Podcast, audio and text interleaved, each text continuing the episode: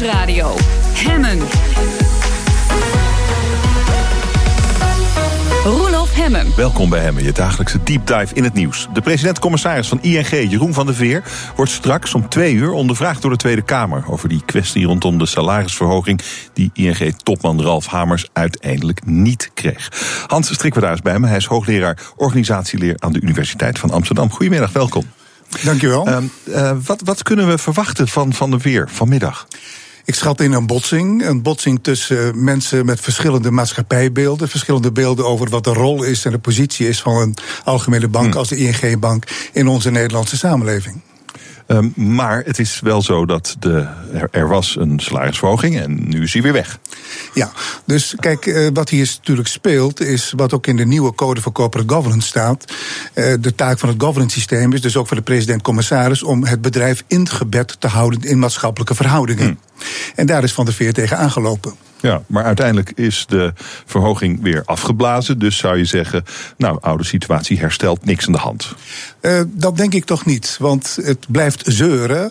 Oh. En er moet dus wel iets gebeuren. Um, een van de dingen die, denk ik, vanmiddag besproken zou moeten worden in de Tweede Kamer. Um, is nou de Nederlandse, of is de bank, de ING-bank, is dat nou een gewoon bedrijf? Waar hmm. kennelijk Van der Veer vanuit is gegaan. En dus heeft CEO-salarissen zitten vergelijken. Of moeten we een bank als de ING, maar het geldt ook de Rabobank, het geldt ook de uh, ABN Amro Bank, moeten we wel zien als een institutie van onze Nederlandse samenleving. En waarom vindt u dat je dat misschien zou moeten zien als een institutie, die banken? Ja, het zijn systeembanken. Het zijn systeembanken. Kijk, we kunnen en, niet zonder. Het, die banken bepalen voor een, voor een groot deel, overigens net als de spoorwegen en het wegennet, het functioneren van de samenleving. Het kunnen plaatsen van spaargeld, het kunnen opnemen van leningen om te ondernemen, uh, betalingsverkeer. En de bank heeft mede tot doel om onze samenleving goed te doen functioneren. Ja, dus, uh, maar oké. Maar uh, ik dacht dat u wilde gaan zeggen, uh, ze worden altijd gered, systeembanken. We hebben het gezien. Als een bank omdreigt te vallen, dan zal altijd de Nederlandse staat bijspringen. Dus uh, dat zou een argument kunnen zijn tegen een enorm hoog salaris. Maar dat vindt u niet? De, kijk, daar gaat het niet om. Kijk, uh, oh. uh, het gaat om welk maatschappijbeeld, welk mensbeeld heeft de voorzitter van de raad van bestuur van een bank, zoals in dit geval de ING. Maar dat geldt natuurlijk ook de president-commissaris. We weten uit allerlei onderzoek, internationaal, ook uit de Verenigde Staten, dat die bedrijven op langere termijn stabiel zijn. En de code vraagt om langere termijn waardeoriëntatie. Van, dat het vraagt om bestuurders die een zogenaamde politiek altruïstische persoonlijkheid hebben. Die dus zich de vraag stellen: wat moet ik doen opdat de samenleving goed functioneert door het functioneren van mijn bank? En die zien de bank niet als een winstmachine maar als een institutie in de samenleving, als een steunbeer in de samenleving. Ja, ja. nou, ik denk dat Jeroen van der Veer en Ralf Hamers dat ook wel een beetje zien, maar toch vooral uh, als een onderneming. Ja, maar daar moet je dus een heldere keuze in maken. Ja. Je kunt niet het ja. een doen of het andere doen. Het blijkt uit onderzoek dat uh, die bedrijven op lange termijn succesvol zijn. Ook qua innovatie, ook hoe ze met mensen omgaan, maatschappelijke verantwoordelijkheid, sociaal ondernemen. Uh, die geen dividendbelofte doen aan hun aandeelhouders, hmm. maar zeggen: winst is een resultante van het goede werk wat wij doen. Oké, en daar past uh, een salaris uh, van wat Ralf Hamers nu heeft, uh, past daar beter bij dan een salaris van 3 miljoen. Waar het om gaat is natuurlijk dat ja. je die, dat ook ziet in de totale samenleving. En de Nederlandse samenleving is er een van redelijke inkomensverhoudingen. Geen grote inkomensverschillen. Maar ook equity. Dus als iemand een hoger salaris verdient, dan willen we daar ook een verhaal bij hebben. Dat het ook rechtvaardig is. En niet blunt en niet dom op een internationale vergelijking wat, wat CEO's verdienen. Oh ja. En bovendien heeft dat geen relatie met de feitelijke performance van bedrijven, zoals we dat weten. Ja. U vindt het een domme beslissing van de Raad van Commissaris van ING om dit überhaupt voorgesteld te hebben? Nou, wat zo teleurstellend is, dat kennelijk... U zei dom, u zei dom. Nou, u vindt deze beslissing dom? Nou, kijk, die beslissing van die plotselinge salarisverhoging is in die zin, kun je dom zeggen, dat het de taak is van de Raad van Commissarissen ja. om naar de ja. totale maatschappelijke verhoudingen te kijken. Het moet daarin passen. Onder Elverding was dit niet gebeurd. Want dat was typisch zo'n iemand die naar de samenleving kijkt. Ja, ja, ja. ja. En u, u, vindt, u vindt ook zelf eigenlijk dat een bank uh, meer uh, het deel zou moeten zijn van de samenleving. Niet zozeer zichzelf als een bedrijf zou moeten zien, maar als een institutie in onze samenleving. Uh, dat is niet alleen mijn persoonlijke opvatting, dat is ook wat je in de internationale ja, literatuur vindt. Maar mm. onder de neoliberalisatie uh, het vrijgeven van de bank in de jaren negentig zijn een aantal principiële uitgangspunten over het hoofd gezien genegeerd. Waaronder dat een algemene bank, het is voor een investeringsbank wel anders moet ik zeggen, uh, is natuurlijk primair een institutie in de samenleving opdat de samenleving goed functioneert. Ja, ja. Maar zit ING natuurlijk ook in het buitenland, voor het grootste deel van zijn activiteiten geloof ik zelfs in het buitenland. Ja. Dat zou een verschil kunnen maken. Nee, want ook in het buitenland uh, speelt dezelfde discussie uh, dat je een, uh, zoals het heet, een savings een general savings en loan bank primair moet zien als een institutie in de samenleving. Dat mensen een hypotheek op een huis kunnen krijgen op een goede manier. Uh, dat ze geld kunnen lenen voor het opzetten van een onderneming. Dat ze hun spaargeld veilig weg kunnen zetten. Dat er efficiënt betalingsverkeer is. Want de winst van de bank is primair de winst van de samenleving in zijn ontwikkeling. Ja. Um, u noemde ook die andere banken, uh, systeembanken, bijvoorbeeld de Rabobank of ABN Amro. Die verdienen alle twee, die topmannen, aanzienlijk minder. Ik geloof dat Rabo-topman wie bedraaier verdient een miljoen of zoiets. En uh, de baas van, van ABN uh, nog geen miljoen, 7,5 ton.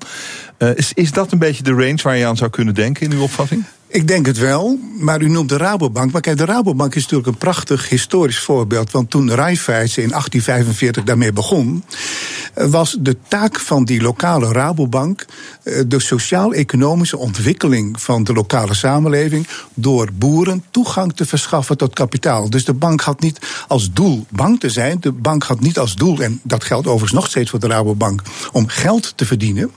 Bovendien hebben ze verbod op winstuitkering. Nee, het doel is de sociaal-economische ontwikkeling van die lokale samenleving. Ja.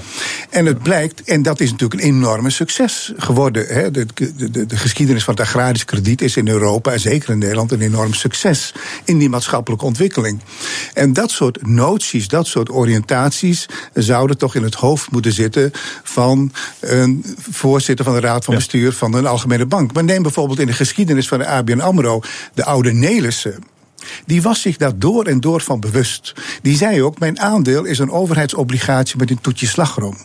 Mijn taak is om het Nederlandse bedrijfsleven te disciplineren. Mm -mm. Die zag dus primair een maatschappelijke taak. En toen was de bank ook stabiel. En toen Rijkman Groening kwam met zijn maximalisatie van aandeelhouderswaarde, maakte hij de hele bank uh, instabiel en ging het hele zaak dus fout lopen. Zou de zou de Tweede Kamer, uh, denkt u, het door moeten pakken nu, op dit moment? En kan de Tweede Kamer dat eigenlijk? Ja, dat kan. Want kijk, een van de, een van de spelers die we in dit verband ook moeten noemen, is de Nederlandse Bank als toezichthouder. Ik had vorig jaar, toen we moesten samen met, moest ik samen met de Nederlandse Bank optreden voor uh, bestuurders van pensioenfondsen. En we hadden een conflict over hoe je aanpassingsvermogen moet toetsen. En dan blijkt dat er bij de Nederlandse bank, maar het geldt ook andere toezichthouders, een enorme ondeskundigheid is. Dat is werkelijk iets waar de, Nederlandse, de Tweede Kamer moet naar gaan kijken. Maar toen kwam er ook een ander conflict naar boven. De Nederlandse bank blijkt pensioenfondsen bijvoorbeeld te zien als gewone financiële bedrijven. Terwijl het natuurlijk maatschappelijk gesproken instituties zijn. Ja. Die voor je ja, geboorte ja, bestaan en na je geboorte bestaan. Maar dat geldt natuurlijk ook de banken. Dus de politiek zou vanmiddag dus eigenlijk ook eh, de president van de Nederlandse Bank ter verantwoording moeten roepen. Of de minister via de minister van Financiën. Hoe ziet hij nu eigenlijk die banken in maatschappelijk verkeer? Als een bedrijf of als een institutie? En als uh, het antwoord dan is als een institutie. Wat voor maximum salaris zou, dat, zou daar dan bij kunnen horen? Heeft u, kunt u een eikpunt noemen? Nou kijk, objectief kun je dat niet vaststellen. Dus dat is een kwestie van met elkaar in gesprek gaan. Maar wat ik zo even uh, vertelde over de ABN AMRO en de Rabobank... laten we dan dat miljoen nemen. Hè, zo ongeveer in de orde van grootte van het salaris... van de, de president van de Nederlandse Bank. Dan zijn we toch wel rond. Ja. En vindt u dat Jeroen van der Veer eigenlijk weg had moeten gaan... aan die enorme discussie? Um, nou, kijk, ik, hij kan wat mij betreft best nog een kans hebben door zichzelf die vragen te stellen van vanuit welk maatschappijbeeld oefen ik die publieke taak, want het is een publieke taak, president-commissaris zijn, het is bij de wet genoemd, vanuit welk maatschappijbeeld oefen ik die taak uit. En hij zou eens denk ik met Pieter Bouw moeten gaan praten, de vroegere baas van de KLM. Dat is iemand die duidelijk georiënteerd is op maatschappelijke waarden als bestuurder. En een ander ding is, uh, nou ja, uh, die discussie vanmiddag in de Tweede Kamer, ja, het is een beetje mosterd naar de maaltijd uh, misschien. Tenzij ze doen wat u net zegt. doorpakken. Ja, ze moeten doorpakken.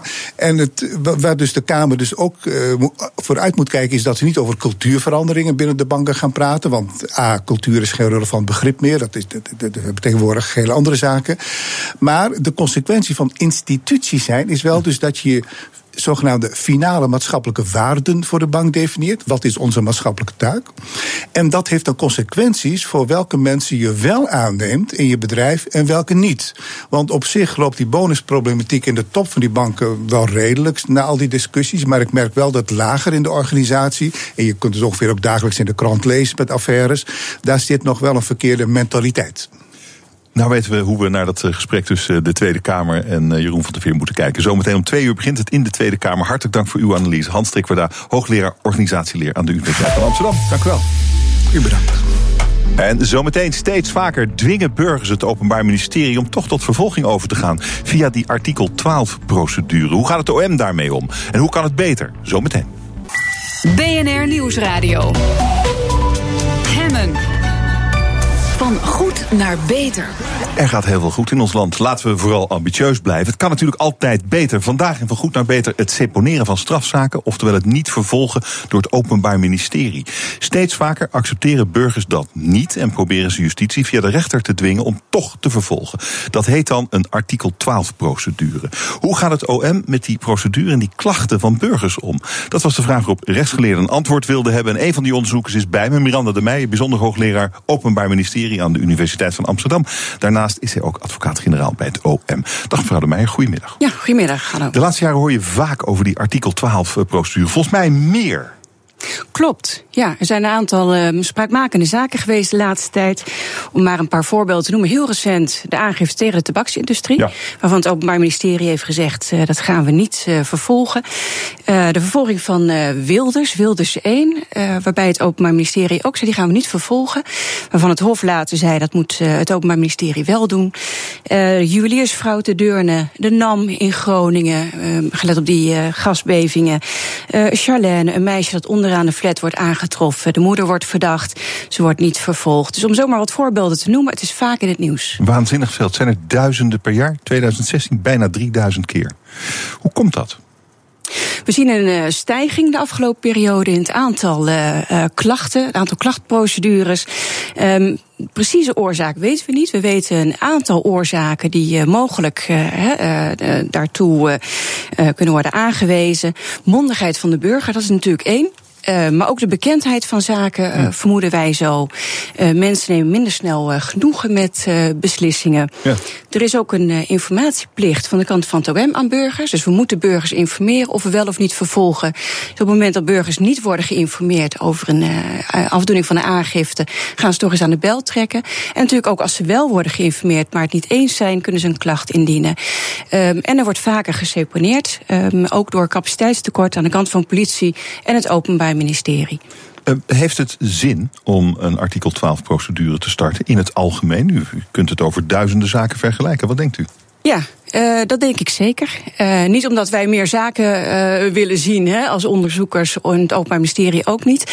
Maar we zien in ieder geval wel dat in ongeveer 10% van de gevallen het Hof de beslissing van de officier van justitie terugdraait. 10%? In ongeveer 10%. We zien een hele, hele lichte stijging, verhoudingsgewijs ook. en tegelijkertijd is het natuurlijk altijd goed om een organisatie zoals het Openbaar Ministerie te dwingen om nog eens goed naar de eigen beslissingen te kijken en ook naar de kwaliteit van de beslissingen beslissing en de procedure. Ja, ik versta dat als in 10% van de gevallen maakt justitie dus een fout door iemand niet te vervolgen of een organisatie niet te vervolgen. Ziet u dat ook zo? Um, dat kan. Het kan een verkeerde beslissing zijn, uh, maar zaken liggen vrijwel nooit zwart-wit. Er kunnen uh, andere afwegingen mogelijk zijn. Ook binnen het Openbaar Ministerie zelf kan het gebeuren dat een officier van justitie zegt: ik ga niet vervolgen. Maar dat een advocaat-generaal, dat is zeg maar een officier van justitie in hoger beroep, die de klacht uh, behandelt, dus vanuit dezelfde organisatie zegt: dat vind ik een verkeerde beslissing, dat zie ik anders. Mm -hmm. Ik maak de afweging anders en ik vind dat we wel moeten vervolgen. Ja. Het kan ook gebeuren dat er tijdens de procedure bewijs bijkomt. Dus een officier van justitie een beslissing maakt op basis van het bewijs wat hij op dat moment heeft. En dat er later nog getuigenverklaringen uh, bijkomen, letselverklaringen bijkomen. Uh, nog een politieproces verbaal. En dat dan de weegschaal net doorslaat naar wel vervolgen. En uh, in uh, hoeveel, hoe vaak leidt zo'n artikel 12 procedure dan ook tot echt een veroordeling? Want je kan natuurlijk ook zeggen, ja, die officier zag geen brood in niks aan de hand. En dan wordt het na zo'n procedure wordt het ook niet echt een zaak. In elk geval wordt er dan geen straf opgelegd. Wat ziet u gebeuren? Dat kan. Dat hebben we niet meegenomen in de procedure. Wij hebben, of in ons onderzoek, we hebben alleen artikel 12 procedure bekeken. Maar dan weet je ook wat? Dat hebben we nog niet onderzocht. Ah, wat denkt u dat eruit komt? U, u, u zit daar natuurlijk wel elke dag naar te kijken. Uh, ook dat, nou ja, um, ook dat zal een gevarieerd beeld kunnen geven. Maar ja. nogmaals, wat wij wilden weten is wat er in de artikel 12-procedure mm. gebeurde. -mm. Uh, wat daarna gebeurt, is natuurlijk weer een andere fase. En dat is ook weer aanleiding mogelijk om ook dat weer te gaan onderzoeken. Ja, ja. En um, wat heeft u verder gevonden in wat er tijdens zo'n procedure gebeurt? Wat vond u um, interessant? Wij hebben in ieder geval gezien dat de kritiek die er was op de artikel 12-procedure, want die was er, er waren zelfs uh, vragen in de Tweede Kamer over gesteld, uh, dat uh, die kritiek terecht was. Onder andere werd door burgers geklaagd over de wijze van communiceren door het Openbaar Ministerie. Oh ja. en ook de doorlooptijden, die werden te lang gevonden. Die communicatie, hoe deed het of hoe doet het Openbaar Ministerie dat? we hebben een heel gevarieerd beeld gezien. Ehm, soms in hele ingewikkelde zaken worden beslissingen van officier goed gemotiveerd naar de burger gebracht. Maar ook in een flink aantal zaken werd dat niet gedaan. Zagen wij hele korte brieven. Ehm, het is uh, heel verschillend ook hoe er wordt gecommuniceerd naar burgers. Vaak onbegrijpelijke brieven, juridisch taalgebruik. Uh, of mensen krijgen simpelweg een brief. Uh, uw zaak is uh, geseponeerd. CEPO-code 01, onvoldoende bewijs of geen bewijs. Mm -hmm. Of CEPO-code medeschuld benadeelden. En mensen hebben daar niet eens een beeld bij. Nee, dus wat zou een officier van justitie dan moeten doen volgens u? Uh, de beslissing in ieder geval beter uitleggen. Dus uh, tijdig communiceren, uh, goed communiceren, begrijpelijk communiceren. Um, en daar zijn ook wel, we hebben ook wel initiatieven gezien binnen het Openbaar Ministerie die dat beter moeten maken. Um, vindt u het belangrijk eigenlijk dat er zo'n artikel 12 procedure is? Zeker. Zou die, aan, zou die veranderd moeten worden? Zou die bijgesteld moeten worden op een of andere manier? Um, wat wij nu zien is dat de procedure uh, te veel schijven heeft. Een uh, dossier gaat langs te veel poppetjes, langs te veel bureaus. En op ieder bureau kunt zich voorstellen, blijft het weer eventjes liggen. Uh, soms ook veel te lang. Hè, als een van die schakels, bijvoorbeeld een administratief medewerker, het te druk heeft of zelfs hebben we ook gezien, persoonlijke problemen blijven die dossiers in de kast liggen. Dus we hebben gekeken hoe kunnen we die procedure nou inkorten om het sneller te maken, schakels eruit te halen. Uh, dat kan. Er is bijvoorbeeld uh, in de procedure een moment opgenomen bij de hoofdofficier van justitie moet kijken naar de beslissing van zijn officier van justitie en moet mededelen wat hij daarvan vindt. Uh, en dat is niet een schakel die in de wet is opgenomen. Dus die zou je eigenlijk uit de procedure kunnen halen en wat wij dan zeggen naar voren kunnen halen. Dus nog voordat de procedure begint, een moment inlassen dat een hoofdofficier van justitie of uh, een, andere, uh, een andere officier van het parket. Een second nog eens opnieuw, eigenlijk. Ja, ja. Precies, een okay. second opinion. Opnieuw naar die zaak kijkt, opnieuw naar die beslissing kijkt. Oké, okay, en dan uh, de. Nou, uw vermoeden is dan natuurlijk dat, dat die procedure vaker niet nodig is, omdat er dan toch een beslissing tot vervolgen wordt genomen. dat niet, maar dat het wel beter wordt uitgelegd. Wat we hebben oh. gezien is dat de brieven van de hoofdofficier van justitie over het algemeen goed zijn. Uh, er wordt heel goed uitgelegd waarom de officier van justitie een bepaalde beslissing heeft genomen. Soms zegt ook de hoofdofficier: ik vind dat de beslissing anders moet uitvallen. Uh, en als je dat naar het voortraject plaatst en burgers uitlegt waarom je een bepaalde beslissing neemt, dan denk ik dat je al heel veel klachten kunt voorkomen. Nou, en het doet natuurlijk ook wel iets met die officieren van justitie. Als je weet dat de burger mondig is, dat de burger een artikel 12 procedure tot zijn beschikking heeft. En dat, uh, dat in tien gevallen 10% van de gevallen die burger gelijk krijgt, dan denk je wel twee keer na. Het, het, het regelt ook iets bij justitie, denk ik. Ja, nou sowieso uh, hebben we gezien dat uh, de cultuur binnen het Openbaar Ministerie uh, best kritisch is. Kritisch op het eigen handelen, maar ook kritisch op, op collega's. maar natuurlijk doet het wel iets met je als, als officier als je beslissing wordt, wordt teruggedraaid. maar we zien ook al voorbeelden waarbij dat positief uitwerkt. Dat een officier toch wat worstelt met een beslissing. Wat ik al zei, zaken liggen niet altijd zwart-wit. en dat als een advocaat-generaal een ander voorstel doet, dat hij ook wel eens opgelucht is. Dat hij zegt, nou ja, dat vind ik toch ook wel een goede, goede richting om uh, te gaan in die zaak. Um, hebben een voorbeeld gezien van een 14-jarig meisje. wat misbruikt is in een schuurtje door, door vier jongens. Um, seksueel gebruikt is. Er is een filmpje van gemaakt. Dat is verspreid op een school. de officier van justitie die vond dat de aangifte van verkrachting. dat daar onvoldoende bewijs voor was. Want het meisje heeft niet tegenstribbeld. was niet tegen haar wil. En de, de advocaat-generaal die zegt: ja, maar ik vind het toch ontuchtig wat daar gebeurd is. Het is toch niet een normale situatie. Een meisje met vier jongens in een, uh, in een kelder. Bovendien is het verspreiding van kinderporno. Ik kijk er anders naar en ik vind dat er wel vervolgd zou moeten worden. En dan zegt zo'n officier: nou, eigenlijk ben ik wel opgelucht, want uh, we hebben er erg mee geworsteld met zo'n beslissing. En dan zie je dat zaken niet zwart-wit liggen en dat het ook positief kan zijn. Ja, en dat, er toch, dat een persoonlijke opvatting dan toch ook een verschil kan maken. Eigenlijk is dat dan zo in dit geval? Uh, nou ja, wat belangrijk is, is dat collega's met elkaar discussiëren. Oh. dat collega's binnen het Openbaar Ministerie, binnen een organisatie elkaar ook uh, kritisch kunnen aanspreken, extra vragen kunnen stellen, uh, een ander gezichtspunt kan innemen.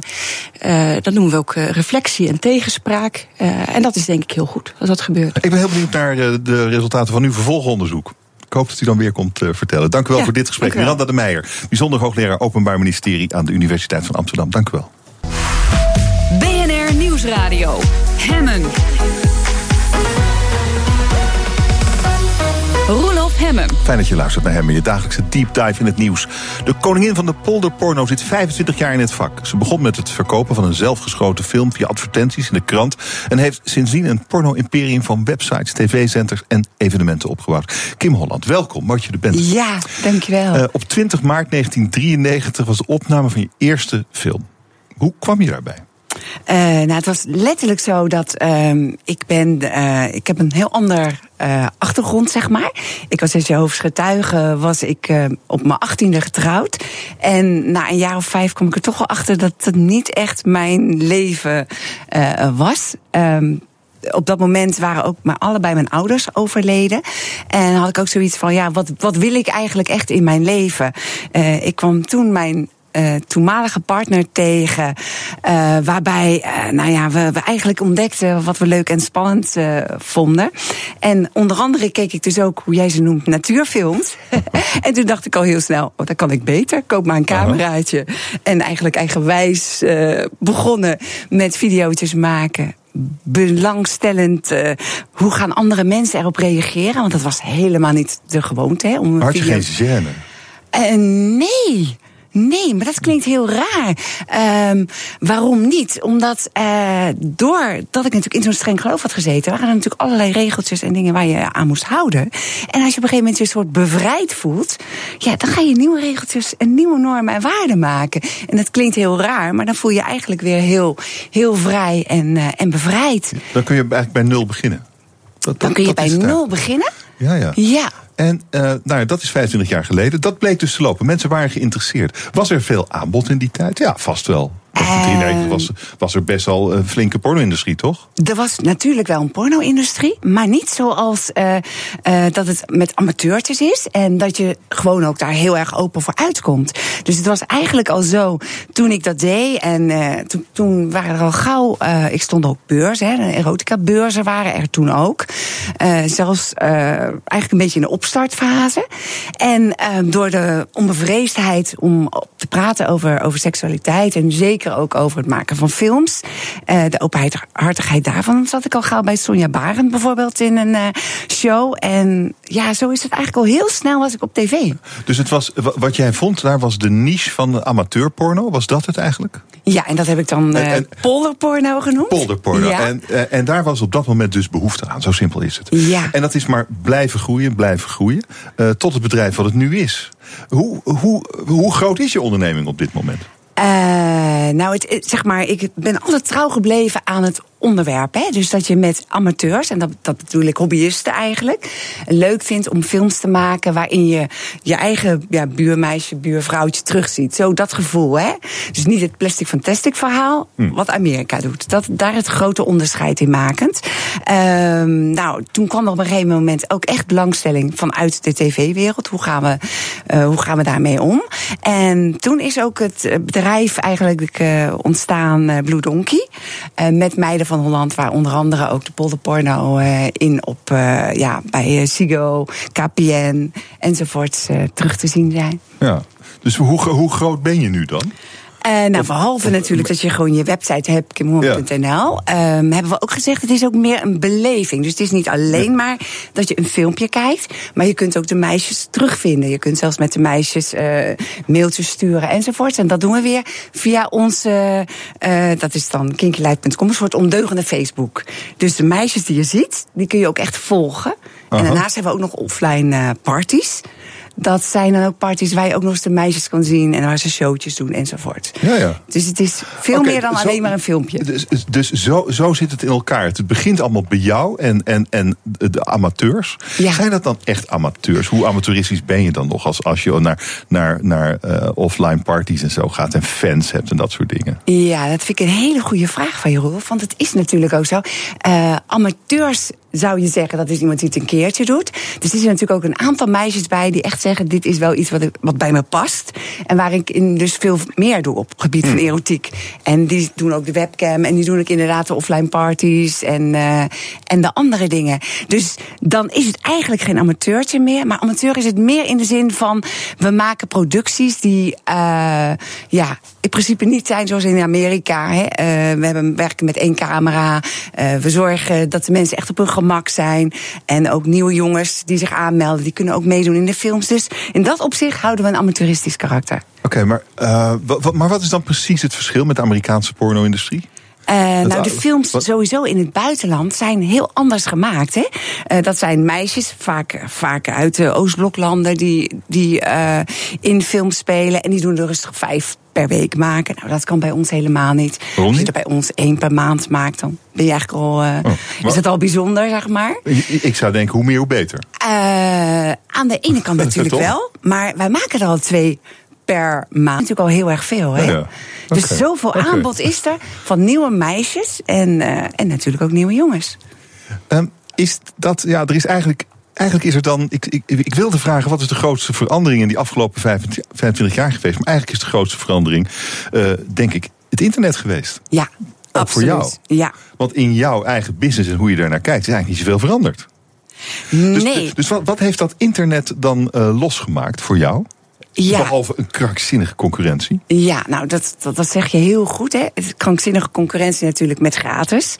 Ehm, Ja, porno is overal, het is gratis. Ja. Wat, je- wat je zoekt, zelfs als je het nog niet bedacht hebt, kun je het vinden, Ja, toch? klopt. Eh, dus ja, nou ja, hoe kun je daartegen concurreren? Eh, nou, dat is denk ik toch een beetje de bioscoopfunctie. Ehm, als jij een meisje leuk vindt en jij wil haar een beetje volgen, dan weet je ook gelijk wanneer een nieuwe video komt. En het is letterlijk zo, als we hem gisteren, gisteren maken, dan staat hij morgen online. En dat is natuurlijk wel lekker schakelen. Ja. ja, maar je moet er toch voor betalen? Het is niet, jij biedt het niet gratis aan. Nee, ik bied het niet Nee, gratis dit- aan. Je moet echt een soort van eh, lid zijn of zoiets. Hoe gaat dat? Eh, nee hoor, je kan Gewoon het gewoon, betalen. eh, je Per- kan gewoon betalen en je kunt kijktijd kopen. Er zijn ja, verschillende maar- mogelijkheden. Maar je, je, bent, je wordt dan toch deel van een soort gemeenschapje, eigenlijk. Nee, je kunt ook anoniem kijken. Dus Oh. je wordt niet echt deel van een gemeenschap. Maar je kunt naar, die- naar, die, naar die evenementen, naar die, naar die par- parties. Ja, maar die zijn ook allemaal los. Hè? Dus als mensen uiteindelijk zeggen van Oh ja. ehm, ik wil haar volgen. Het, het, het, het grote verschil is denk ik dat de meisjes die het leuk vinden om meerdere films te maken en ook echt het bij hun past, ehm, dat daar social media voor bestaat. Dus zij krijgen hun eigen fans en zij krijgen hun eigen aanhang. En op die manier kunnen ze ook weer uitnodigen naar een party toe. Dus het blijft allemaal ook nog wel kleinschalig. En is het ook nog goede business?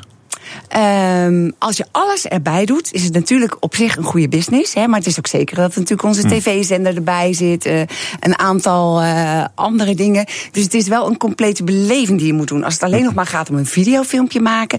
Ja, dan, eh, dan verlies je het natuurlijk met de concurrentie. Nou ja. Dat is logisch. Wat doe jij zelf nog op dit moment? Enorm veel. ja, ehm, het is behalve eh, dat, we dit, dat ik zeg maar pas ook nu voor ons eh 25-jarig jubileum een eigen film heb geproduceerd, uitgeschreven, mensen gecast en, en alles. Eh, waar ik heel trots op ben, omdat ik daar weer een beetje de fantasie in kwijt wil. Ehm, en dat is met net ook iets special effects enzovoort, als je het even in Nederlandse begrippen ziet. Ehm, dus die film heb ik ook Sprookjes van Kim genoemd, met een grapje als Maar wel zonder Kim, want Kim eh, is Ik heb een heel klein rolletje. nu, toch? Ja, maar ik heb een heel klein rolletje erin. Ik ben de moeder van de maagd. Moeder van de. Dus die rol kan ik daar eh, prima in eh, vervangen. Oké, maar, dat is het. Jouw, jouw, jouw carrière voor de camera is voorbij. Dat doe je niet meer. Ja, ze zeggen wel eens, je moet op het hoogtepunt stoppen. En dat heb ik ook inderdaad gedaan. Maar los daarvan natuurlijk, je zit op een gegeven moment als bedrijf met zoveel andere dingen waar je voor organiseert, waar je voor regelt. En het andere stukje wat ik heel erg leuk vind, dat is Kim Holland coaching. Dus mijn sexpertise, om het zo maar te noemen, gebruik ik ook nu heel graag om, uh, om anderen, uh, ja, eigenlijk uh, bevre uh, vrijer te maken om over hun seksualiteit te praten. Stelletjes die daar vragen over hebben. Maar ook. Uh, je bent therapeut geworden. Ik ben dat uh, onder andere Echt ook. Waar? Ja. Ja, en nou, het prachtig. is denk ik een heel mooie, mooie combinatie. Want toen ik 25 jaar geleden begon, toen wilde ik ook al echt vanuit het gevoel van de vrouw laten zien hoe lekker en hoe fijn het is om te genieten van seks. Omdat ik dat als een mooie overbrugging tussen man en vrouw ziet. Als je er zelf naar verlangt en als je er zelf van geniet. Ja, dan, dan, dan is het iets wat echt goed bij elkaar uh, ja. uh, past. En het ja, veroorzaakt ook uh, eigenlijk dat je veel minder trubbels en, en strubbelingen hebt in je relatie. Daar ben ik echt van overtuigd. Ja, ja. En, en daar ben je ook voor gekwalificeerd? Um, ik heb helemaal in het begin, uh, toen ik 25 jaar geleden is... begon, daarvoor heb ik vrijwilligerswerk gedaan. Voor de NVSH gewerkt, seksuele uh, hulpverlening per telefoon gedaan. Maar ook inderdaad gesprekken gehad. Wat cursussen erin gevolgd. Dus, ja, maar als iemand echt een, een probleem heeft, dan zijn er seksuologen ja, en zo. En dat soort klopt. Maar weet je op tijd wanneer je iemand naar de dokter moet sturen? Natuurlijk, ja. natuurlijk. Nou, iets anders is, ik ken mensen die zeggen dat de toekomst van uh, seks robots zijn. Wat denk je?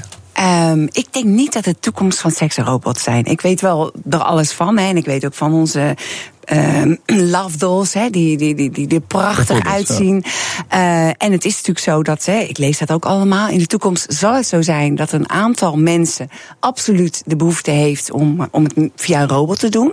Uh, maar er zullen ook nog zat mensen zijn ja. die toch absoluut voor het warme en het echte ja. levendige van een echte vrouw of een echte man kiezen. Ja, ik zei, ik zei seks, maar ik, ik, ik bedoel eigenlijk porno. Dat is natuurlijk ook seks, maar uh, dat is toch andere seks dan met je partner, denk ik. Nou, oké. Okay. Ja, absoluut een ingewikkeld verhaal. Maar in, in, de plaats daarvan zou virtual reality kunnen komen. Zouden ook dus robots een grote rol kunnen gaan spelen. Ik bedoel, uh, je zou het met, uh, met een machine kunnen doen die bijna een mens is. Ja. Dus waarom zou je dan naar een filmpje gaan zitten kijken? Uh, ik denk dat sowieso, hè, dat, dat, dat dat absoluut in de porno gaat, gaat komen. Ja? Absoluut, ja, want ja. Dat, dat zie ik ook zo. Omdat in de porno wil je ook alle vormen laten zien. Um, ben je maar, er ook al mee bezig met, met onderzoeken of, dat, of je dat nou ja, naar Nederland kunt halen? Nou, we zijn toen ook met, met, met, met, met 3D, 4D bezig geweest enzovoort. In Nederland is het iets te kleine markt ervoor. Ja. Dus als je zeg maar echt bezig bent met het polderporno-idee, dan past het daar niet echt in. Nee. Maar uh, dat het er gaat komen, dat, uh, dat is wel zeker. Maar ik denk dat ik er altijd tegenop zou zien, uh, of, of er altijd het verschil wil laten zien dat je veel meer gevoel en emotie in echte mensen kan, kan brengen. En dat is ook wat het grote verschil is met de buitenlandse porno versus uh, de ja, onze eigen polderporno. Porno-industrie is al jaren legale business. Toch rust er nog steeds een taboe op. We hebben het er zo over. BNR Nieuwsradio. Mijn gast is Kim Holland. Zit 25 jaar in het vak dat zij polderporno noemt. Die porno-industrie is sinds de uitspraak van de Hoge Raad in 1970 al volkomen legaal in Nederland. Maar er is natuurlijk nog steeds een soort taboe omheen. En uh, daar, dat treft jou ook steeds. Laatst was je in het nieuws omdat je een film wilde opnemen in een kerk. Uh, nou, dat vond de kerk niet zo'n goed idee. Die ging naar de rechter. Maar de rechter zei toch wel toen: uh, ja, hier is eigenlijk niks strafbaars gebeurd. Hoe groot is dit taboe nog? Uh, ja, van, voor de kerk is natuurlijk toch een iets ander verhaal. Want religie, uh, dat, dat um, zal, zal altijd op een andere manier werken. Maar taboe is er nog wel. Maar dat merk je vooral. Kijk, als je zelf bekend bent. Ja, dan... jij, jij zoekt de grenzen op. Jij gaat, je gaat niet voor niks naar zo'n kerk. Nee. Je wilt spelen met dat taboe. Ja, nou degene die naar de kerk ging, die gelooft zelf niet. En die zag het als een mooie locatie waar mooie glas- en loodramen zijn. Dus daar heb ik nogal met hem over gesproken. En het was ook niet iets voor opgezet. Oh. Voor duidelijkheid was niet zo van we gaan naar een kerk, want we willen het verschil maken of wat dan ook. Uh, en we zijn ook gaan praten direct uh, van waar gaan we onze grenzen zetten. En dat Oh ja. is dus inderdaad niet in een religie uh, Nee. ons mengen. Ja, ja. En ook niet op locaties waar mensen aanstoot aan kunnen nemen. Maar wat- wat het zijn was dat voor vroeger locaties makkelijker. Dat is wel zeker Vroeger zo. makkelijker? Ja, om een locatie te vinden is vroeger, Oh ja? was vroeger makkelijker. Wat is er ja. veranderd dan? Ehm, ja, je hebt golfbewegingen sowieso hè, eh, op het gebied van eh, hoe mensen eh, erover denken. Als we de 90 jaren nemen, toen had je denk ik wel vijf programma's per week over seks. Die, dat was gewoon normaal, hè? In de tijd van seks voor de boeg. En, en ja, mensen praten daar gewoon heel makkelijk over. En aan de koffieautomaat hadden ze het er ook over. Dat is wel echt veranderd. We- Ja, we- maar hoe merk je dat dan in de, in de praktijk? Van je, je moet je productie, ja, je moet locaties hebben. Je kan niet altijd in, in, in datzelfde kamertje zitten, denk ik dan. Nee, ja, waarom en- eigenlijk niet? Het gaat toch niet om de locatie, Kim, toch? Of wel? Ja, kijk, aan de ene kant ook wel. En zeker als het een beetje een spannende locatie kan Wat is zijn. een Je wil- spannende locatie? Een spannende locatie is toch wel waar je fantasie geprikkeld wordt en waarvan je zelf denkt, dat stelletje, oh, daar zou ik het wel eens willen, daar zou ik het wel eens durven. Eh, heb je een voorbeeld? Daarvan? een molen bijvoorbeeld boven op een Molen. molen. Dat, dat heb ik wel eens voor elkaar gekregen. En eh, zo zijn er nog wel veel meer spannende locaties die je kan bedenken. En tuurlijk, eh, een bos. Hmm. eh, dingen die buiten zijn, ehm, waar je even iets stouts mag uithalen. Dus iets stouts Ja. dat prikkelt. Ja, maar, we worden dus wel steeds preutser. Wat gek is, want porno is, nou ja, we hadden het erover. Overal, als je het wil zien, heb je het binnen één muisklik te pakken. We zien het ook bij nou, jongere generaties bijvoorbeeld. Aan de ene kant is seks heel toegankelijk, ook gewoon eh, fysieke seks. Eh, maar we worden ook preutser. Ook kinderen worden steeds preutser. Zie je dat? Ja, ik zie dat, ook. eh, wat, wat zegt jou dat? Eh, nou, de generatie, zeg maar, laten we zeggen, de dertigers en veertigers, die zijn wat vrijer. Die komen echt uit die, uit die negentiger jaren, dat dat allemaal, allemaal veel vrijer is. Ehm, de jongeren daarentegen, ehm, daar merk je van dat zij. Kijk, ze worden overspoeld door gratis porno, om het zo maar te noemen. Maar ze krijgen niet die seksuele voorlichting die gaat over, over eh, het fijne en het genieten van seks. Want ik heb ook heel vaak uitgelegd. Porno is absoluut niet om een jongere mee op te voeden. Dat, dat is gewoon eh, erotisch entertainment. Heel belangrijk is, en nog belangrijker dan ooit, nu ze overspoeld worden door, door deze films te kunnen, kunnen zien, ehm, dat ze juist een goede, leuke voorlichting krijgen. En dat moet op scholen, maar dat zouden ouders ook natuurlijk prima kunnen doen. Om uit te leggen: één, porno is absoluut geen liefdesverhaal. en aan de andere kant ook goed uit te leggen eh, hoe je wel kan genieten en hoe je dat zelf moet gaan ontdekken. Maar die kinderen kunnen jouw films ook zien. Ehm, Maar vind je dat niet bezwaarlijk ja, ik heb natuurlijk dan? een Of- 18 plus erop zitten. En Ja. ik laat alleen maar kleine stukjes zien. Oh. En wat, wat ik maak, noem ik altijd een beetje, ik noem het maar even het RTL 4 porno. Dus ik maak geen extreme. En de extreme zie je helaas wel gratis op internet heel veel. Dus het, je vindt het een probleem. Die, jongeren die toch, nou, die, die, die kijken toch een beetje anders naar seks Ja. En daar, daar, daar gebeuren dingen, ze staan bloot aan van alles. En eh, je wilt dan aan, aan de ene kant laten zien wat seks is. En aan de andere kant wel natuurlijk geld verdienen met porno. Dat, dat, is- dat is met elkaar in tegenspraak. Hoe kun je het een doen en tegelijkertijd ook het ander? Ja, door, Hoe doe je door, dat? door juist die, die functie te hebben. Dus door juist aan de ene kant uit te leggen. Ik maak ero- erotisch entertainment. Want het heeft ook een hele goede sociale functie. Ehm, en daar ben ik trots op. Want dat is ook een openhartigheid die je laat zien. Aan de andere kant ook je expertise uitleggen. Dat dit dus niet te maken heeft met je liefdesrelatie. eh, in, in het, Leg je dat uit dan steeds? Ehm, als ik daar de kans voor krijg, ja, leg ik het heel graag uit. Net zoals nu bij jou. Maar ik leg het heel graag uit dat dat twee verschillende dingen zijn. En dat het ene kan prikkelen, maar dat je liefdesrelatie, dat dat te maken heeft met, met, met aanraken, met knuffelen, met eh, ehm, ja, in principe gewoon spanning bij elkaar opbouwen. Ja, en, en wat die kinderen dan zien is de meest extreme porno als ze er naar zoeken. Ja, maar bij mij niet. Nee. Dus dat is dan wel weer ja, maar het dat verschil. zien, dat zien ze dus wel. Zou, wat zou je daar tegen kunnen doen? Zou je er überhaupt iets tegen kunnen doen? Heb je een idee? alleen maar eh er Opvoeden. openhartig over praten. Want als je iets aan iemand uitlegt. En ook al, hè, sommige kinderen zullen daarna op zoek zijn. Andere kinderen vinden dat weer veel minder belangrijk. Of schrikken daarvan. En worden dan, eh, denken ze nou, als het zo moet, hoeft het van mij niet. Eh, maar juist bespreekbaarheid gaat ervoor zorgen dat iedereen ook snapt: oké, dus dat, zo zit het in elkaar. Net zoals een avonturenfilm of een thriller. Je kunt daarnaar kijken en van genieten, maar het wil niet zeggen dat je het precies op diezelfde manier wil. Is dat, en volgens mij is dat ook al 25 jaar jouw boodschap. Is dat misschien ook waar je het meest trots op bent? Dat je uh, de, de, ja, de, de vriendelijke vorm van porno bespreekbaar hebt gemaakt, maar ook dat dat, dat wat je net vertelt. Het is wel uh, seks, maar er is ook nog iets anders in een relatie, bijvoorbeeld. Liefde en dat soort dingen. Ja, ik denk dat dat enorm ja? belangrijk is. En maar ben je daar ook het meest trots op? Dat je, Ja. je hebt toch een soort eh, bijgedragen aan de emancipatie van Ja, jouw ik- eigen genre, maar daarbij heb je dat andere ook niet vergeten. Ja, en, de, Ja. en dat de vrijheid, zeg maar, die je als vrouw eh, kan voelen en het genieten ervan, dat maakt je heel sterk en heel zelfverzekerd. En dat is altijd wat ik heb willen ja, uitdragen op mijn manier om het te laten zien vanuit mijn gevoel. En nu nog steeds proberen op de manier eh, om het te laten zien van andere stelletjes en andere meisjes en jongens die Ja. daar ook openhartig over zijn. Eh, op naar de volgende 25 jaar. Hartelijk dank voor dit Dankjewel. gesprek, Kim Holland. Dankjewel. Podcastzaken. Elke twee weken aandacht voor podcast van BNR uit Nederland en ver daarbuiten. Met eh, vandaag eindredacteur online van BNR Robin Vink. Robin, mooi dat je er bent. Ja, Allereerst Note to Self van de publieke omroep van New York. Vertel. Ja, daar heeft eh, mijn collega Aniekje een tijdje geleden alles over verteld. Een eh, super interessante podcast over hoe we omgaan met tech en internet.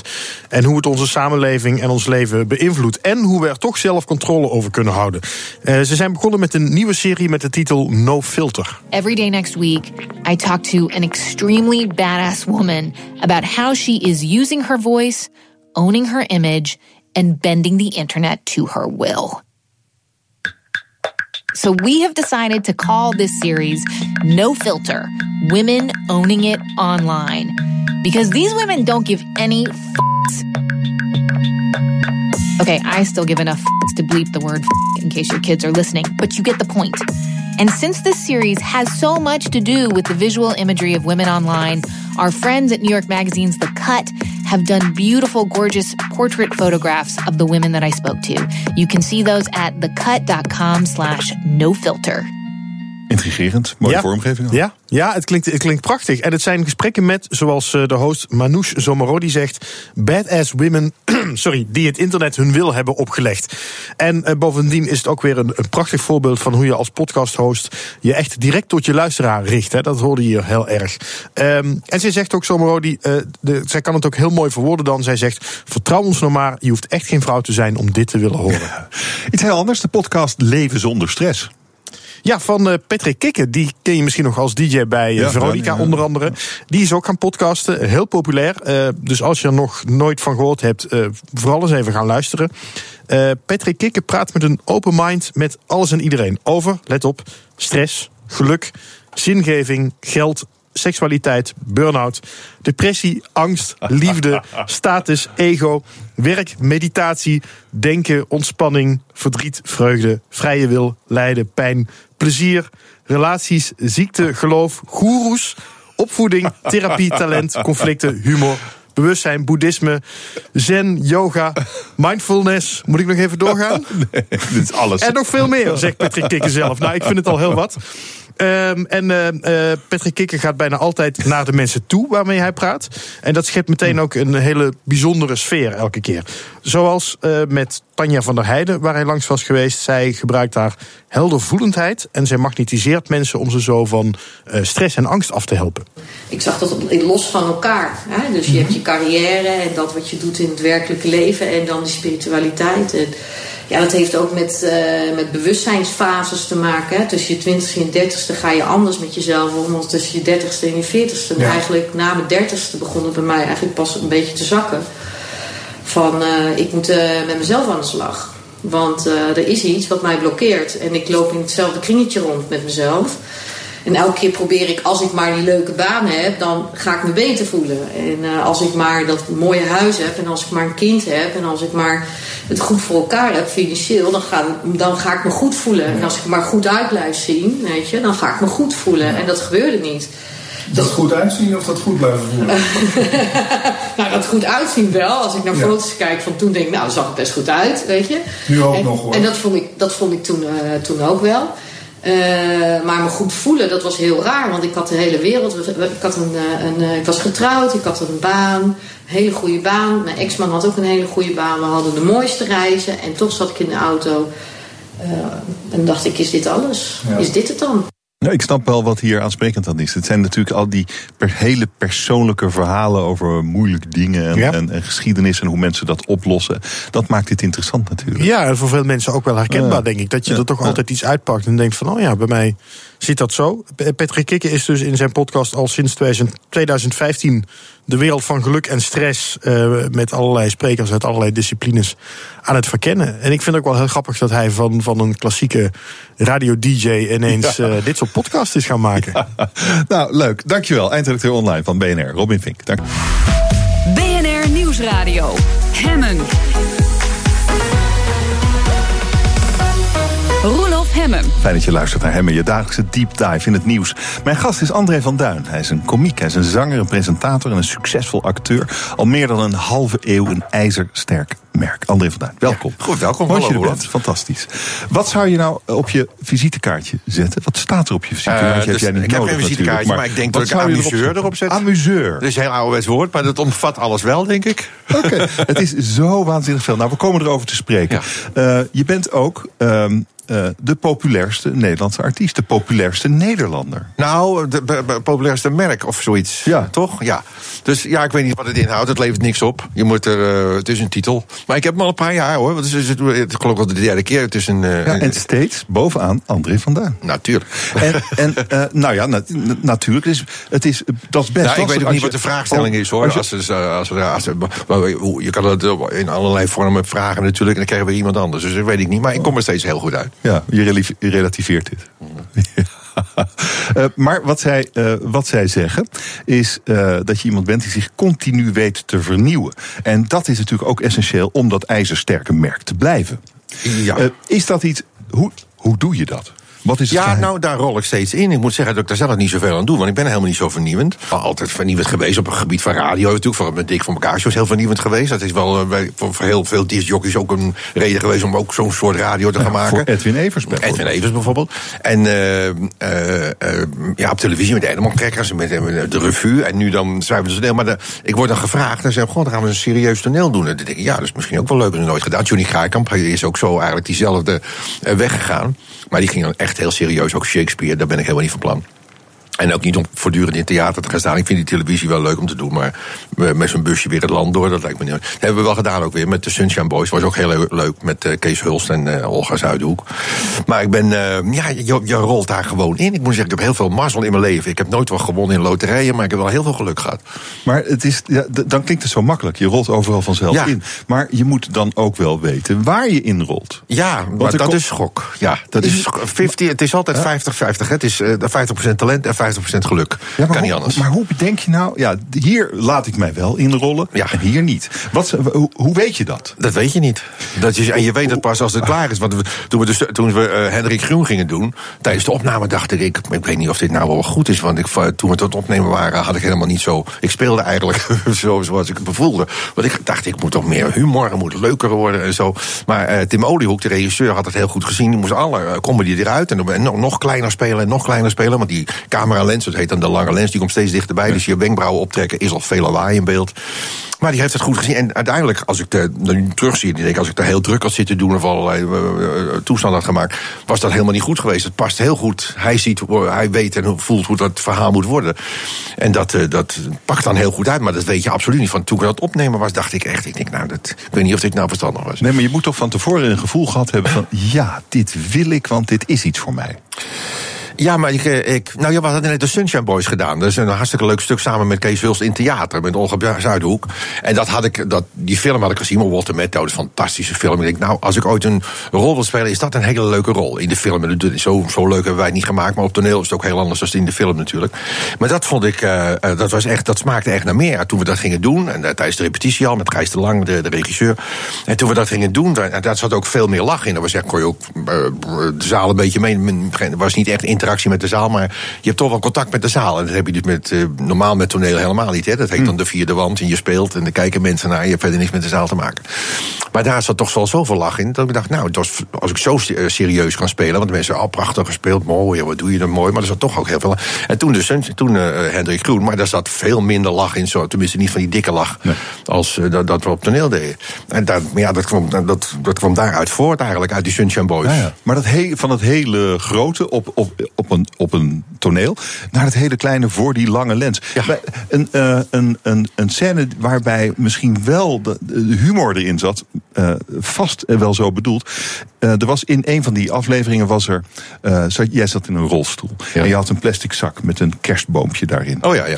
En, nou, eh, dat is, nou, dat is goed dat je dat zegt. Ja, dat is het enige stuk dat ik dacht van ja, nou kan ik even gaan. Wat, Ja. wat, wat- kun, je, kun je weer beschrijven wat, wat je daar deed? Want ik vond het een heel mooi stukje. Nou, dat weet ik niet wat ik deed. Want Oh, ik, nou, die moest die, die, ja, dat weet je dan nooit. Want het wordt een paar keer opgenomen van voren, van achter, van boven en van onderen.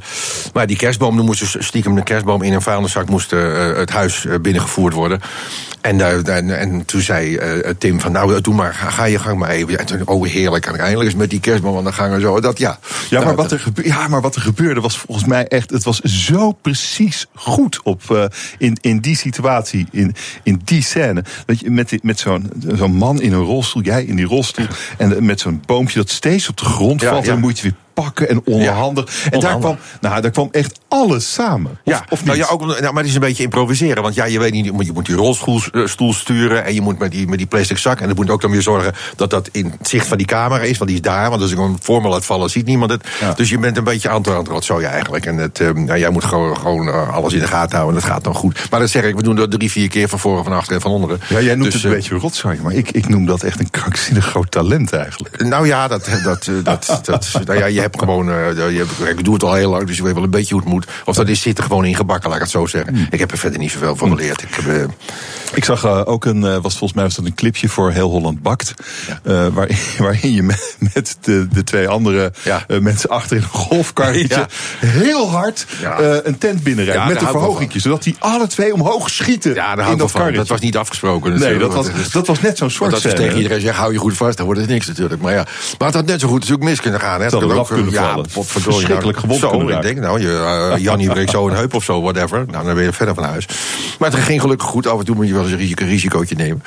Maar eh, ja, dat soort dingen vind ik leuk. Dat hebben we altijd gedaan eh, in mijn hele leven al. Een beetje improviseren en dingen eh, gewoon maar laten gebeuren. Hè. En eh, eh, eh, vaak scoor je ermee, maar het gaat ook wel eens mis natuurlijk. Ehm, je was jarenlang eh, komiek. Ja. Laten we luisteren Nou, naar ben de, ik nog, de- ben ik nog. Ja, natuurlijk. Laten we, ja, natuurlijk. Ja, ja, Eh, maar la- laten we, laten we lu- luisteren naar de, de oude André van Duin. Een stukje. Neem, neem- pak even de koptelefoon. Oh, ja.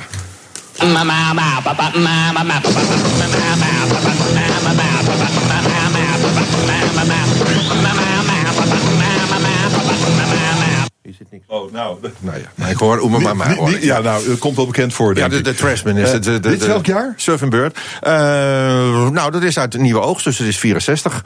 Toen ik, eh, maakte ik een bandrecorder eh, met een bandrecorder act... met allemaal een stukje band eh, geplakt achter elkaar. Een stukje Wim Kan en een stukje Tony Hermans... een stukje dit soort lawaai, Little Richard. En dan eh, trok, ik, trok er eh, gekke bekken bij. En toen deed ik mee in Nieuwe Oogst, 24 juni 1964. En toen won ik dat. En eh, nou, toen ging eigenlijk vanaf de volgende dag was het gebeurd. Toen ging de telefoon, nou, nee, ging telefoon, we hadden niet eens telefoon. Maar toen kwam alle reacties, kranten en zo. En iedereen wou me zien. En toen, vanaf die tijd is het gewoon doorgegaan. Is nooit meer gestopt. Hier begon het. Ja, absoluut. Ja, mooi hè? Ja, heel mooi, hè? En, en, en, je, je weet het nog heel precies, hè? Ja, nou kijk, ik wou mijn leven lang al artiest worden, als kind al. Ja. Het enige wat ik wou, wat ga je laten worden, artiest. En ik wist ook zeker dat ik dat ging worden. Dus ik heb, eh, ik heb ook helemaal geen, geen, eh, geen school. Ik heb een lagere school gehad en een jaar ambachtsschool, eh, heette het toen nog. Je zou metaalbankwerker ja, machinebankwerker worden, Maar dat ja. ben ik dus niet geworden. Was ik ook niet van plan. Maar ik dacht, ja, je moet toch je tijd opvullen. En alle vriendjes gingen ook allemaal wat doen. Die werden automonteur of dat zo, de ambachtsschool. Dus toen ben ik dat wel gaan doen. Maar ik wist zeker dat ik artiest ging worden. Intussen maar ging, deed ik dus mee met talentenjachten en zo. Van, van nou, Nieuwe Oogst voor de televisie dan. Maar eerst had je het weekblad Romance. Dat was een onderdeel van, van de geïllustreerde pers, van de Margriet en zo. Die hadden ook zo'n glossy, de eerste glossy. En die hadden een talentenjacht en dat ging door heel Nederland. En deed ik mee in het Groothandelsgebouw Rotterdam. De eerste prijs was een plaatopname. Maar ja, ik deed zo'n stukje bandrecorder act, waar ik gekke bekken bij trok. Maar dat had heel veel succes, maar daar kon je dus niet een plaat opnemen. Want ik sprak zelf helemaal nog niet. En toen zeiden ze, nou, uh, maar, uh, wil je dan mee? Dan gaan we, we maken een hele tournee door Nederland naar Groningen, Maastricht en dingen. Als gast. Dus had ik een gastoptreden. En ik kwam voor het eerst van mijn leven buiten Rotterdam, zeg maar. Wij gingen met vakantie in Hoeve Holland. Verder was ik nog nooit geweest. Dus ging het hele land door. Met een eerste klas kaartje en mijn bandrecorder. En ik bleef dan slapen, maar je kon niet meer terug. Dus de volgende dag was ik terug. Nou, ik had ineens een tournee. En ik kreeg geloof ik nog uit mijn hoofd uh, 50 euro. Uh, nee, 50 gulden.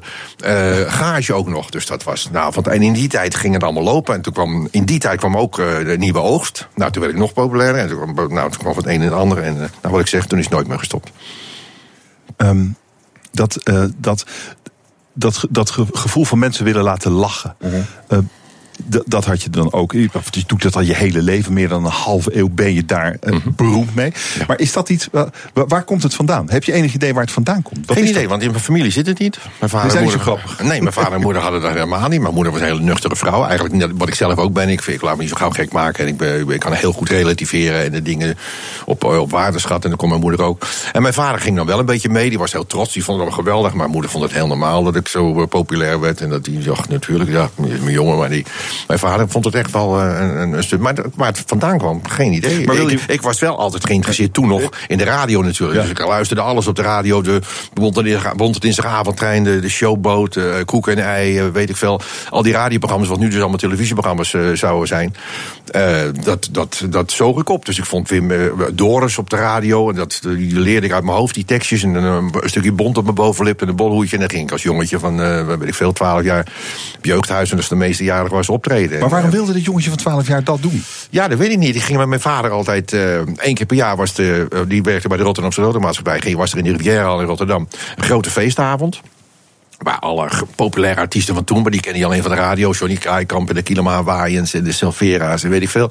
Die traden erop. En die zag je dan voor de eerste keer. En dat heeft mij altijd zo uh, gebiologeerd. Dat ik, ja, ik dacht, ja, daar wil ik ook bij houden. Ja, ik wil in ieder geval artiest worden. En dan het liefst komiek. En want ik vond de conferencier die in het midden stond. Die altijd de nummers aankondigen. Dat beroep bestaat helemaal niet meer.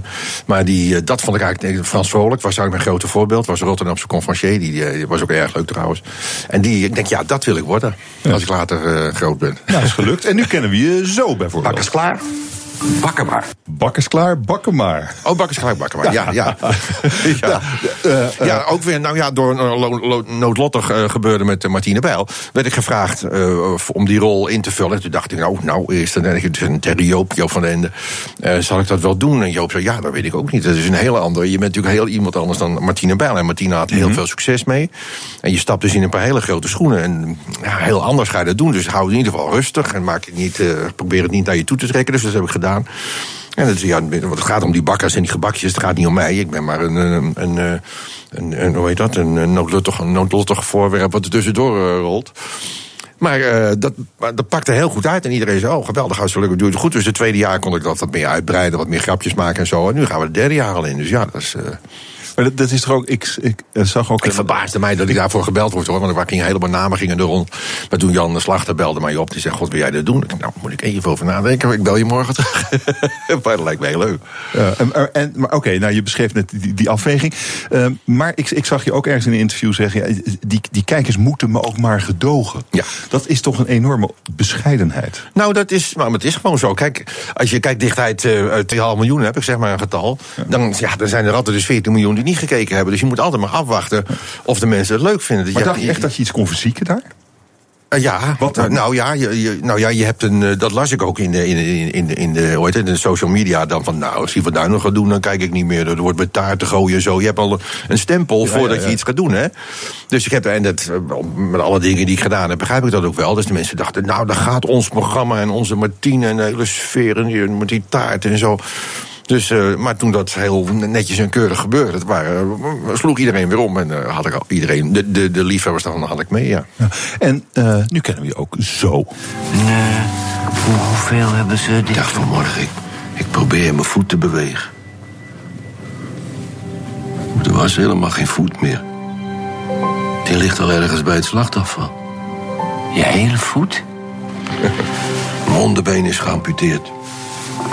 Nee, maar even, dat, dat is... Moet ik nou, ik...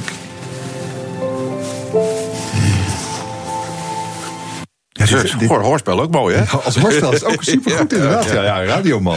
Eh, maar dit, dit is Hendrik Groen en dit is eh, weer een totaal andere kant. Het is zo klein, we hadden het net ook al over.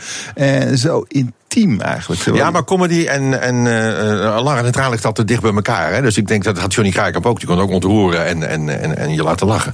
En ik denk dat dat het is. Dat een komiek uh, uh, toch ook kan ontroeren. Dat hebben heel veel komieken gedaan natuurlijk al. Ja, maar het, het, is, het lijkt me moeilijk, zo klein. Nou, ik vind dit het makkelijkste wat er is. Want ik ging het doen en ik zei, oh, mooi. Ja. Maar ik heb eigenlijk mijn leven lang niet anders gedaan. Wij deden natuurlijk wel sketches en het was altijd uh, een beetje het vette werk en uh, grote gebaren en ja. dit. Maar ja, dan moest je er ook allemaal stemmetjes en typetjes en uh, dik voor elkaar. Ome Joop is ook een beetje, het is een beetje ome Joop wat ik hier hoor. Eigenlijk toch. Het grijpt allemaal terug op ja. het begin. Ja, dus het, is, ja, het zit er gewoon in. Wie ziet André van Duin als een opvolger? Zijn dier überhaupt wel? We praten zo verder. BNR Nieuwsradio. Hemmen. Mijn gast is André van Duin. Uh, we hadden het uh, over uh, wat je allemaal gedaan hebt, wat je doet. En op een gegeven moment zei je, ik ben komiek. Ja. dat is eigenlijk... In de eerste plaats Dat, dat ja, is de essentie ja. van alles. Zijn er nog komieken zoals jij? Zie je ze om je heen? Uh, nee, in mijn genre, ik noem mezelf altijd maar een beetje volkskomiek. Hè. Je hebt toch heel veel cabaret momenteel en stand-up comedian. Maar eigenlijk de enige die, die uh, Tineke Schouten is in de, in de vrouwelijke vorm dan is, heeft uh, dezelfde soort humor. Uh, en ook hetzelfde publiek. En John van Eert, die dan meer in de, in de, in de, in de, in de nou, klucht mag je nooit zeggen van hem. Het is het, blijspel. Oh ja. maar ook erg lachen in ieder geval. En um, verder zijn er niet zoveel. Verder is het allemaal, ja, wat ik zeg, cabaret ja. en stand-up comedian. Maar dat volks wat ik, of volksgrappenmakerij die ik had gedaan met sketches en zo, dat gebeurt eigenlijk weinig. En uh, Klaassen, die heeft nu toevallig net uh, de revue 2.0 noemt hij het zelf uitgebracht, want dat was altijd een grote fan van mij, die ken ik wel heel goed.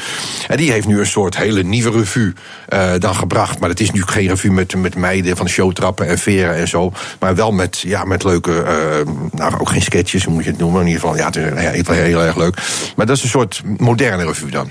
Ja, maar toch, het is klein. Waarom zou dat zijn?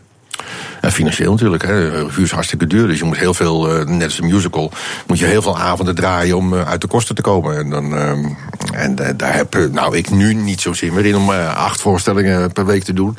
Maar toen wel natuurlijk.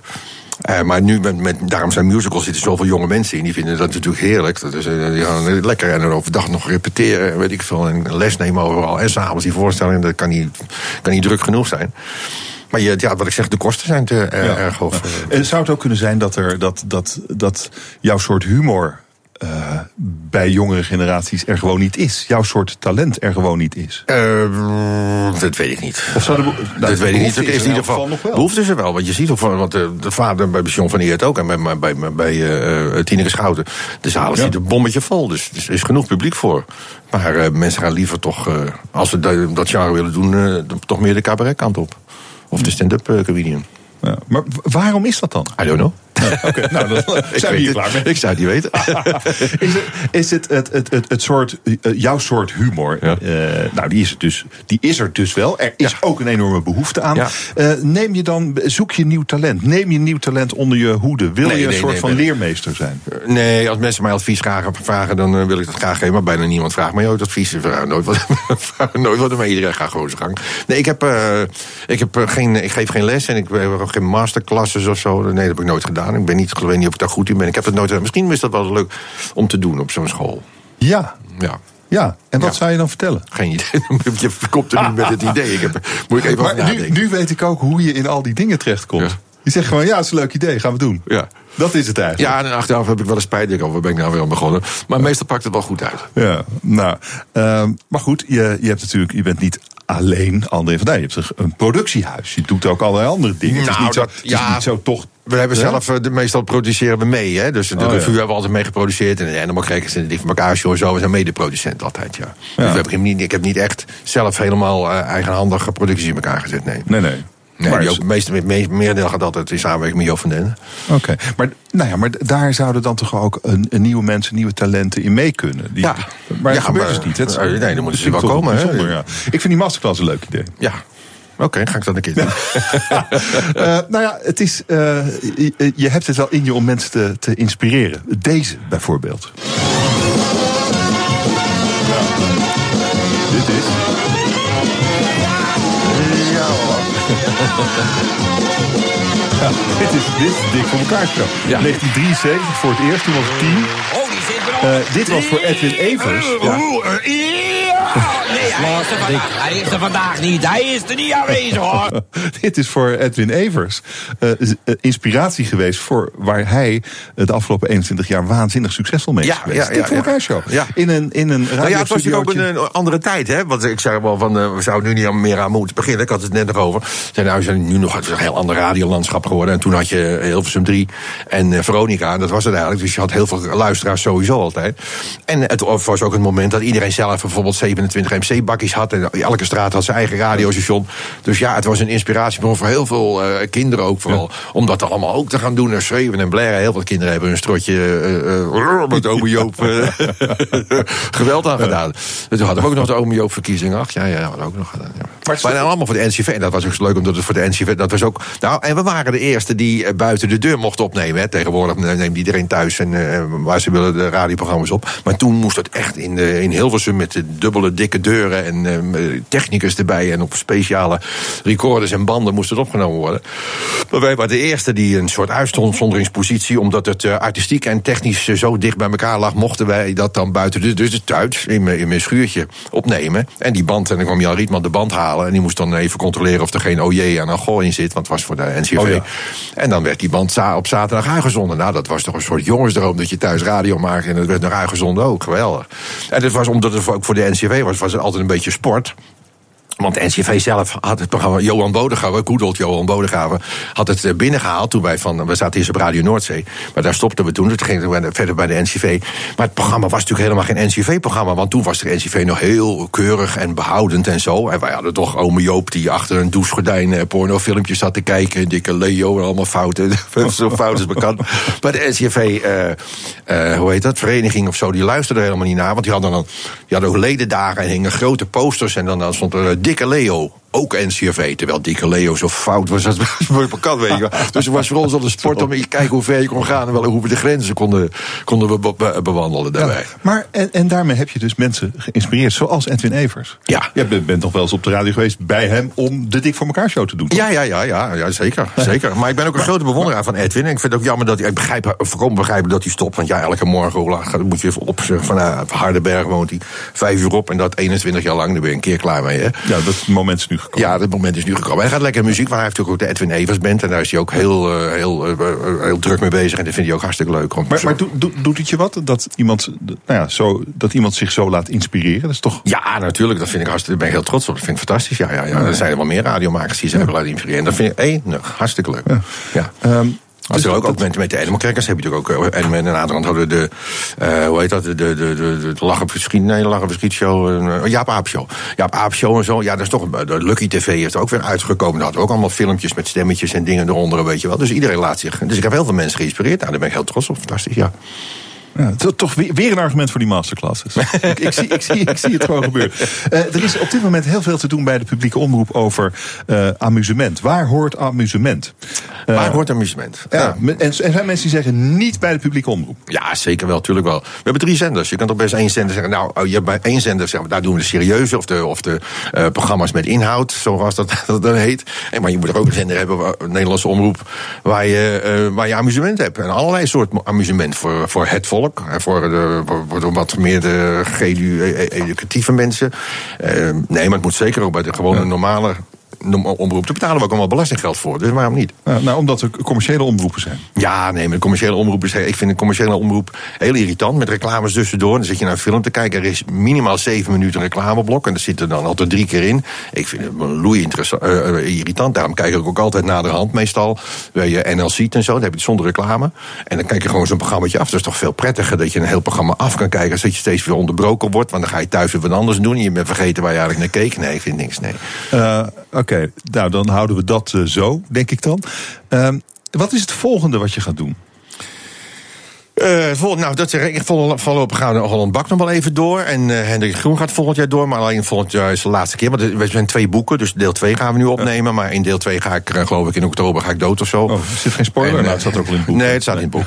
En, ehm, en dan komt er wel weer wat anders. Ja, ik moet zeggen, ik rol overal zo'n beetje in. Tegenwoordig iedereen belt. Maar Ik word echt de hele dag word ik gebeld. Weer dit, weer dat. Dus, en de merendeel zeg ik nou nee. Dus ik ben wel eh, op een punt gekomen dat ik een beetje de krentjes uit de pap kan halen. Dus ik, nou, dat lijkt me leuk of dat lijkt me niet leuk. Ja, maar op welke krent hoop je dan? Welke krent hoop ik? Eh, nou, ik heb eigenlijk niet zo'n krent, want ik heb al zo heel veel gedaan. Dus merendeel van Ja. de krenten heb ik al een keer gegeten. Ehm, ehm, ja, maar nee, ik heb niet echt wensen wat dat betreft. Ik ben, eh, ben heel gauw tevreden. Ik vind het ook lekker om een beetje vrije tijd te houden. Ik wil niet meer continu werken. Dat, ik heb heel hard gewerkt. En nu denk ik van nou, het is ook wel eens lekker op thuis op de bank te zitten. Dus ik doe wel veel, ook nu. Maar, ehm, maar ik probeer ook wel mijn sociale leven een beetje in stand te houden. Hartelijk dank voor dit gesprek. André van Duin, dankjewel. Dankjewel, Rolf. Nieuwsradio. Hemmen. Roelof Hemmen. Staatssecretaris Mark Harbers komt op korte termijn met een voorstel om landen illegale migranten terug te laten nemen in ruil voor legale arbeidsmigratie. Dat plan moet tegelijkertijd illegaliteit aanpakken en ervoor zorgen dat migranten hier werk kunnen doen waar anders niemand voor te vinden is. Bespreek het in De kantine. Met vandaag Martijn de Greven, presentator bij WNL en Huip Hudig is hier. Hij is eh, presentatiecoach bij Speak to Inspire. Welkom, goedemiddag. Fijn dat jullie er zijn. Eh, dit plan van Mark Harbers, dat klinkt een beetje als terug naar de gastarbeider. Ja, Dat is het in Ja. feite ook. er zat wel iets in dat we nu het hebben over ehm, hoogwaardige kenniswerkers. En als je gewoon demografisch kijkt, weten we eigenlijk juist dat het nou net daar het probleem niet zit. Als je naar sectoren kijkt als de zorg en onderwijs, zijn er duizenden mensen nodig. Dat is een beetje een ingewikkelde boodschap in het huidige politieke discours. Maar dat is wel wat er nodig is. Dus we hebben het helemaal niet over die ongelooflijk slimme Aziatische ICT'er. Maar als je gewoon kijkt waar de, het gaat knellen op de arbeidsmarkt, is het daar. Dus je hebt gelijk, we gaan ons eh, klaarmaken. Is het een goed plan?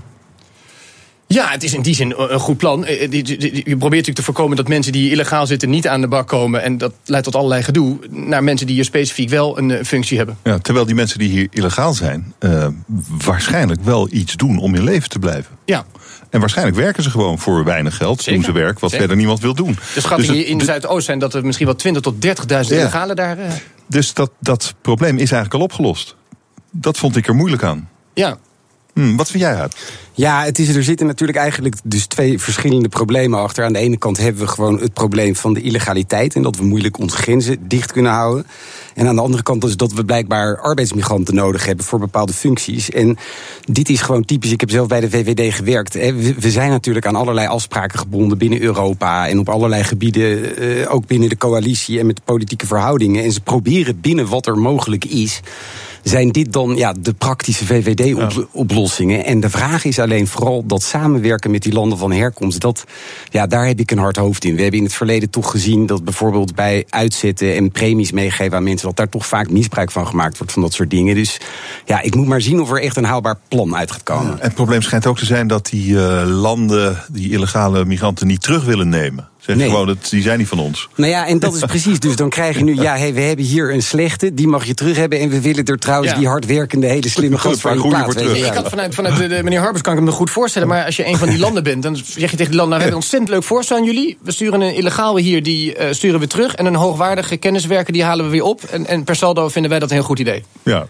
Ik krijg het gevoel dat wij hier niet heel erg, eh, eh, dit niet heel erg zien slagen, dit plan. Ik, of ze doen er nog een cadeautje ergens bij. Maar als je het voorstel zo doet, kan ik me niet voorstellen... dat al die landen staan te springen om deze uitwisselingen aan te gaan. Ja, of ze staan er juist wel om te springen. En dan heb je helemaal een probleem. Dat je iedere keer allerlei boetes en premies moet gaan betalen. Ja. Ehm, de politie, nieuws van vandaag. Ja, eh, naar nieuws. 25 keer per dag krijgt de politie te maken met geweld, verbaal of fysiek. Vorig jaar alles bij elkaar 9100 incidenten. Je hoort Ruud Verkuilen, programmamanager geweld tegen politieambtenaren. Dat mensen wat mondiger aan het worden zijn, wat eh, meer moeite hebben met autoriteit. eh, en dat dat niet zelden leidt eh, ook tot eh, misschien wel wat eh, zwaardere manier van eh, agressie aanwenden. ja. Dit is gek, hè? Hoe is nou mondigheid een opstapje naar geweld? Nou, dat kan toch wel? Mondigheid, dat... dat ja, Dat moet je nou gewoon vertellen. Als in verbaal dreigen, schreeuwen. En dan is Oké. Israël een verhitte toestand. Een en dan is de, in de verhitheid de stap van, van schreeuwen naar, naar bewegen is niet zo groot hoor. Nee, nee, dus mo- mo- mondigheid en dan een beetje uitgebreid. Ja. dat- dat- Jij spreekt dat uit er. ervaring, eh, Nee, nee, Martijn, nee, nee, eh, ik heb gelezen en nee, gehoord ergens. Heel goed. Nee, maar goed, maar inderdaad, hè, het is fysiek en verbaal geweld. Dus het is niet alleen maar eh, fysiek geweld. Ja. je kunt in discussie gaan, maar om dan meteen een agent een klap te willen gaan geven... of over hem heen te rijden of eh, dat soort dingen. Ja, maar goed, dan Dat praat je inderdaad echt over fysiek geweld. Terwijl het meeste is inderdaad eh verbaal geweld. Wat eh, belediging, wat al vervelend genoeg is. Maar het is, het is een heel lastig onderwerp. Want je voelt natuurlijk heel veel sympathie voor de, voor de politie. En, en wij hebben in Nederland, godzijdank, ook een sympathieke politie. Ja, veel mensen vinden dus van- bijvoorbeeld van eens met, weet ik wat, de Carabinieri in Italië of zo. Dus daar wil je echt geen bekeuring van hebben van maar de die, gasten. maar die, die, die worden waarschijnlijk niet zoveel eh, uitgescholden en geslagen als Nederlandse agenten. Nou, en daar zit dus ook wel een beetje, terwijl dat is, dat is natuurlijk totaal niet wat je mag zeggen. En eh, met alle sympathie voor de politie. Maar ergens zit er dus bij mensen die het in hun hoofd halen om beledigend te gaan zijn. Toch de gedachte dat ze er wel mee weg kunnen komen. En ik denk wel dat daar een eerste stap toch bij de politie zelf ligt om dat echt harder aan te pakken. En dat wordt dus intern ook al aangeraden.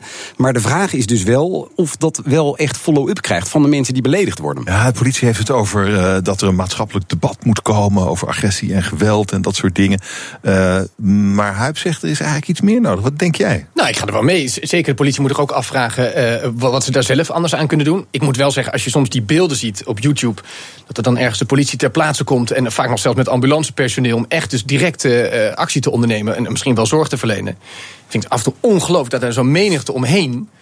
Dus dat steeds dreigender en eigenlijk het werk van de agenten onmogelijk maakt. Want ik vraag me dan heel vaak af, als je in die menigte staat... dan is er dan geen enkele sociale controle. Als je iemand voor je helemaal uit zijn pan ziet gaan... en een hulpverlener het werk omhoog ziet maken... dat je dan niet in zo'n groep eromheen zegt... en nou is het afgelopen. Vaak is, is nog sterker de dynamiek van zo'n groep eromheen... die is eerder versterkend dan corrigerend. Ja, maar wat moet een agent dan in zo'n situatie doen? Ja, nou, als je het heel zo concreet vind ik het ingewikkeld. Ik ga wel met Huid mee in het idee dat je gewoon als politie wel moet afvragen... Hoe wat voor uitstraling hebben we? Hoe gedragen we ons op zo- zo'n plek? En, en is dat voldoende afschrikwekkend dat mensen niet dit soort achterlijke gedachten in hun hoofd halen? En dan kom je vervolgens natuurlijk ook bij de stap dat de, de, de, de, de strafmaat en de rechters...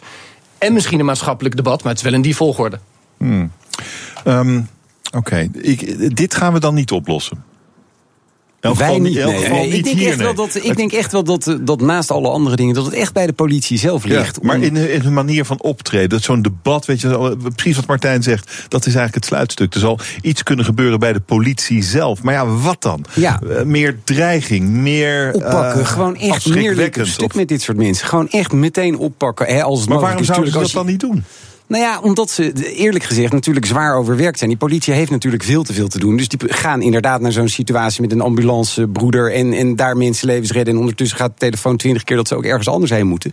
Dus ze moeten dit prioriteit gaan geven. Ja. En nogmaals, dit punt, hè, de, de onderbezetting van de politie is natuurlijk wel een ding. Maar als jij daar op zo'n zo'n zo'n zo'n plaats acute hulp aan het verlenen bent en de weg aan het afzetten bent, dan kun je dit er niet bij hebben. Dus dan zou je natuurlijk eigenlijk zeggen, ja, wat een van de mogelijke bijdragen aan de oplossing is natuurlijk dat je gewoon, als er dan een collega in nood is, op de knop drukt en dat er dan zo snel collega's eh, te plaats zijn en die dan ook rigoureus te werk gaan. Dat het ook echt uitstraalt, dit, dit is gewoon no-go. Ehm, we hebben die eh, imam eh eh, eh, Janijn eh, Fawaz, Fawaz Janijn gezien. Die heeft gezegd over de Rotterdamse burgemeester Ahmed Abu Talib dat hij een afvallige moslim is. En dat is heel riskant als Ja. een imam dat zegt. En er was een debat in de Kamer. Minister Grappenhuis van Justitie en Veiligheid wil nu, het lijkt er elk geval op dat hij het strafrecht wil aanpassen. Het, het recht op vrijheid van meningsuiting zelfs wil beperken om deze man, dit soort types aan te pakken. Ehm, is dat een goed idee? Of Nee, is het misschien iets heel- te, te zwaar? Nee, laat maar zeggen, de behoefte voel je. Er- doet iemand allerlei uitspraken waarvan je weet dat hij over de rand gaat, maar in woorden net niet te pakken is. Dus hij noemt hem een afvallige, maar zegt niet dat hij dan doodgemaakt moet worden. Maar wat in die kringen vaak een logisch gevolg is van het een en het ander. Dus hij, het, het is bedreigend. Alleen als je volgens dan de wet gaat aanpassen. Dat is nou precies wat je volgens mij naar NIP moet doen. Dat is bijna capituleren voor zo'n idioot. Daar ben ik het helemaal mee eens. En sterker nog, dus de vraag is ten eerste... kan je het doen via wat eh, de wet mogelijk maakt? Maar de andere vraag is inderdaad, wil je het ook? En wat dat betreft, even vooruitlopend op een ander onderwerp... over eh, de zoenende mannen die in Ja. het Reformatorisch Dagblad geplaatst worden. Eh, kijk, eh, je kan ook op een andere manier erop reageren... op dit soort dingen die zo'n man zegt. Want eh, het klopt eh, wat Martijn zegt. Ik bedoel, het is niet zo dat hij echt hele heftige dingen gezegd heeft. Hij heeft het over een afvallige moslim... en dat, dat deze man zich eh, niet goed gedraagt. Maar het is is niet zo dat hij direct tot haatzaaien oproept. Dus ja, eh, Nee, daar maar zo kan het pakken. verstaan worden in die kringen. Ja, maar ga dan die discussie daarover aan. En, en praat erover van. En dat vind ik op zich de reactie van Abu Taleb zelf. Die zegt van nou, eh, het zou fijner zijn als deze man zou bijdragen aan het debat. En eh, ervoor zou zorgen dat mensen juist dichter bij elkaar komen. En ik denk dat je ook op die manier moet reageren op zo iemand. En dan een politiek die meteen weer moord en brand staan te gillen. Ja, ik denk dat het juist meer helpt om te kijken waar, waar gaat dit echt over. En hoe kan je mensen nou duidelijk maken dat dit niet klopt wat die man zegt. Nou, heb je het begin van een antwoord? Nou ja, ik denk eh, dat, dat we op dit moment als samenleving daar gewoon Nee, maar hoe ga je echt wat dat te doen hebben. Hoe ga je dat aan zo'n man uitleggen? Daar heeft hij maling aan. Nou ja, dat is dus de grap. En daarom is dat andere onderwerp zo grappig. Je zal dus creatieve manieren eh, moeten verzinnen om toch eh, die discussie met elkaar aan dat te is mijn vraag. Heb jij het begin van een antwoord? Welke creatieve manieren? Wat zouden we kunnen doen? Nou ja, je, je moet toch het gesprek hierover aangaan met de mensen die hij bereikt. Dus hé, ik, heb, ik heb niet een drukknop of iets briljants voor ogen. Maar stel dat hij een bepaald Facebook-bericht eruit knalt. Misschien kan je een tegengesteld Facebook-bericht proberen te verspreiden. waarin je jouw kant van het verhaal uitlegt. precies gericht op eh, de mensen die hij aanspreekt. Wellicht. Ja, ja. Maar ik zou, ik zou, kijk, je kan je heel veel focussen op die man. Die man is natuurlijk een soort, soort, soort symbool geworden van, van alles wat daar niet goed zit in Hmm. dat geloof. Eh, het punt is eigenlijk dit. Het, wat hij doet, is, hè, wat, wat, hoe hij zich, zich manifesteert. Het, thema is natuurlijk de afvalligheid. Het gaat over een, een schending van onze samenleving. De manier hoe wij leven hier. Wat we afgesproken hebben in de wet vastleggen. Namelijk dat je vrij bent om een geloof aan te hangen en het te beleven zoals je wil. Maar ook volkomen vrij bent om er weer afstand van te doen. En een ander pad te kiezen. Dat is het thema wat besproken moet worden. En dat deze man daar vervolgens een symbool is dat dans op, op, op, op de rand en, en vervolgens juist over de rand probeert te prikken, dat is een uitvloeisel ervan. Maar het debat wat gevoerd moet worden in die hele gemeenschap, dat is zoals nu niet één coherente gemeenschap, maar we begrijpen wat we bedoelen. Daar moet het debat over voeren. Hoe is het mogelijk dat we in 2018 te maken hebben met een geloof waar je geen afstand van kan nemen? Daar, dat is het debat. Hebben jullie gelezen dat eh, Talpa de eigenaar wordt van het Algemeen Nederlands Persbureau? Ja, verrassend. Interessant. Ja, ja. Nogal. Wat, wat zegt jullie dat? Dat ANP zorgt voor de hele dag door voor feitelijk nieuws. En je leest het ook in alle kranten, je ziet het op alle sites. ANP doet ongelooflijk veel en ze zijn goed in feiten. Ja. Eh, wat moet eh, John de Mol daarmee?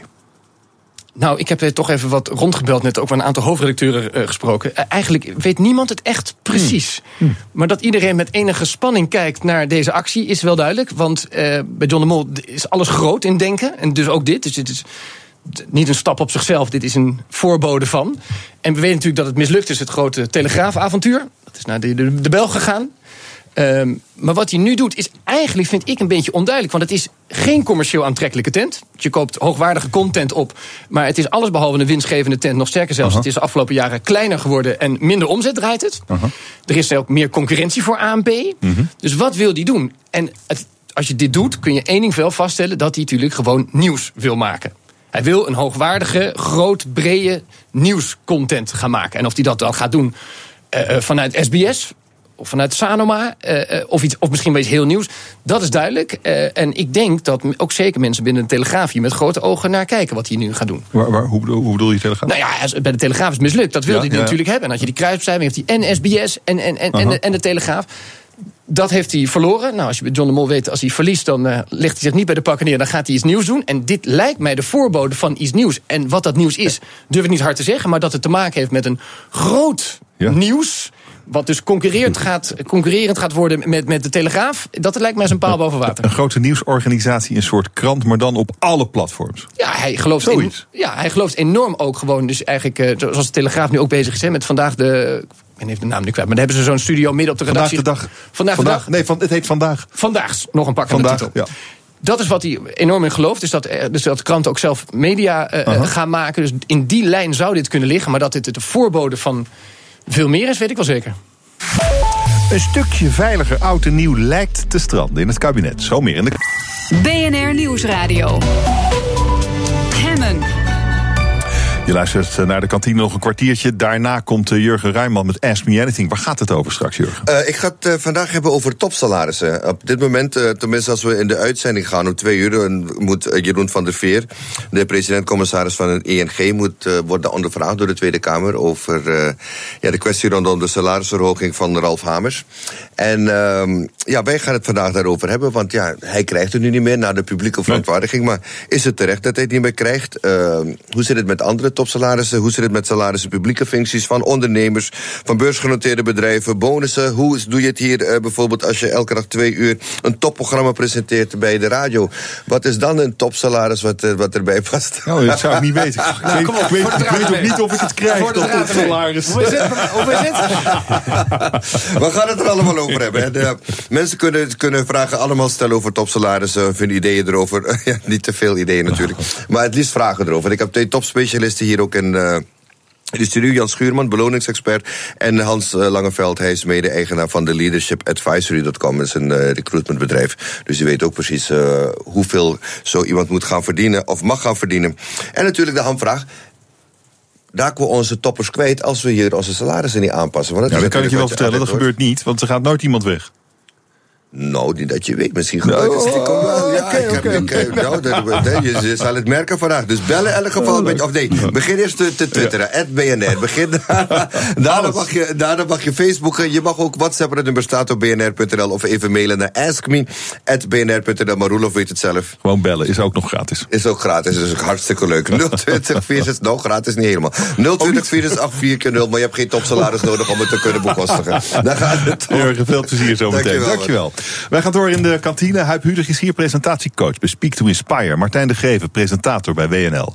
Eh ja, er komt misschien een eh, verbod op rotjes. Hebben jullie het gelezen? Het oud en Ja. nieuw. Niet meer knallen. Ja.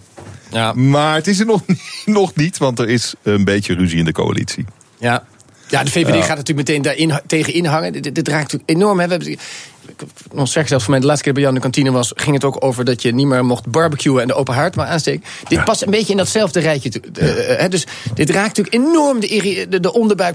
Wat mogen we nu weer niet van, de, van die figuur uit Den Haag? Ja, we raken toch wel Ja, vrij veel niet ogen en handen kwijt. ik weet niet zeker of dat helemaal waar is. Hè? Want de, de, de, de VVD heeft natuurlijk de liberale en de hardline rechtse stemmers. En ik moet wel eerlijk bekennen dat ik wel iedere keer als ik met oud en nieuw de volgende dag de krant opensla en dan lees dat het relatief rustig is geweest met oud en nieuw, dat je altijd denkt, ja oké, wat betekent dit nou weer? En dan inderdaad, als er dieper op ingaat, blijkt dat er toch enorm veel dingen misgegaan zijn. En dat is dus nu uit dat rapport van die Onderzoeksraad voor de Veiligheid, blijkt dat er gewoon echt jaarlijks gewoon waanzinnig veel gebeurt.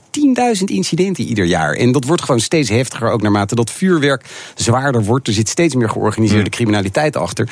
Dus ik begrijp wel dat ze op een bepaalde manier willen bewegen. En ik weet dus ook niet hoe slim de VVD is door nu te zeggen van ja, daar willen we niks mee te maken hebben. Want ik denk dat er ook VVD'ers zijn die denken, heel prima, laten we in godsnaam een oud en nieuw hebben waarin de mensen die van sierwerk eh, wi- willen genieten en een beetje normaal willen doen, daarvan lol kunnen hebben. En dat niet alles verknald wordt, eh, letterlijk door de, eh, door de rotjes en de cobra's. Ja, mijn probleem is eigenlijk een beetje hoe gaat de politie al die mensen met hun illegale vuurwerk oppakken. Het lukt ze nu al niet eens. Nou ja, je, dat is inderdaad wel een lastig. Maar ik denk dat het voornaamste wat je wil voorkomen... is dat de goede onder de kwade te lijden hebben. En ik denk dat toch iets experimenteren... Hè, misschien dat een rotjesverbod of whatever is misschien te direct... maar je zou bijvoorbeeld zones in kunnen stellen... waar je gewoon wel echt strenger politietoezicht hebt... waar, waar dan mensen naar vuurwerk kunnen kijken. Ik denk, ik denk dat het niet gek is om iets te proberen. Ja, we zullen het eh, zien. We gaan naar jouw onderwerp, eh, Huip, de zoemende mannen.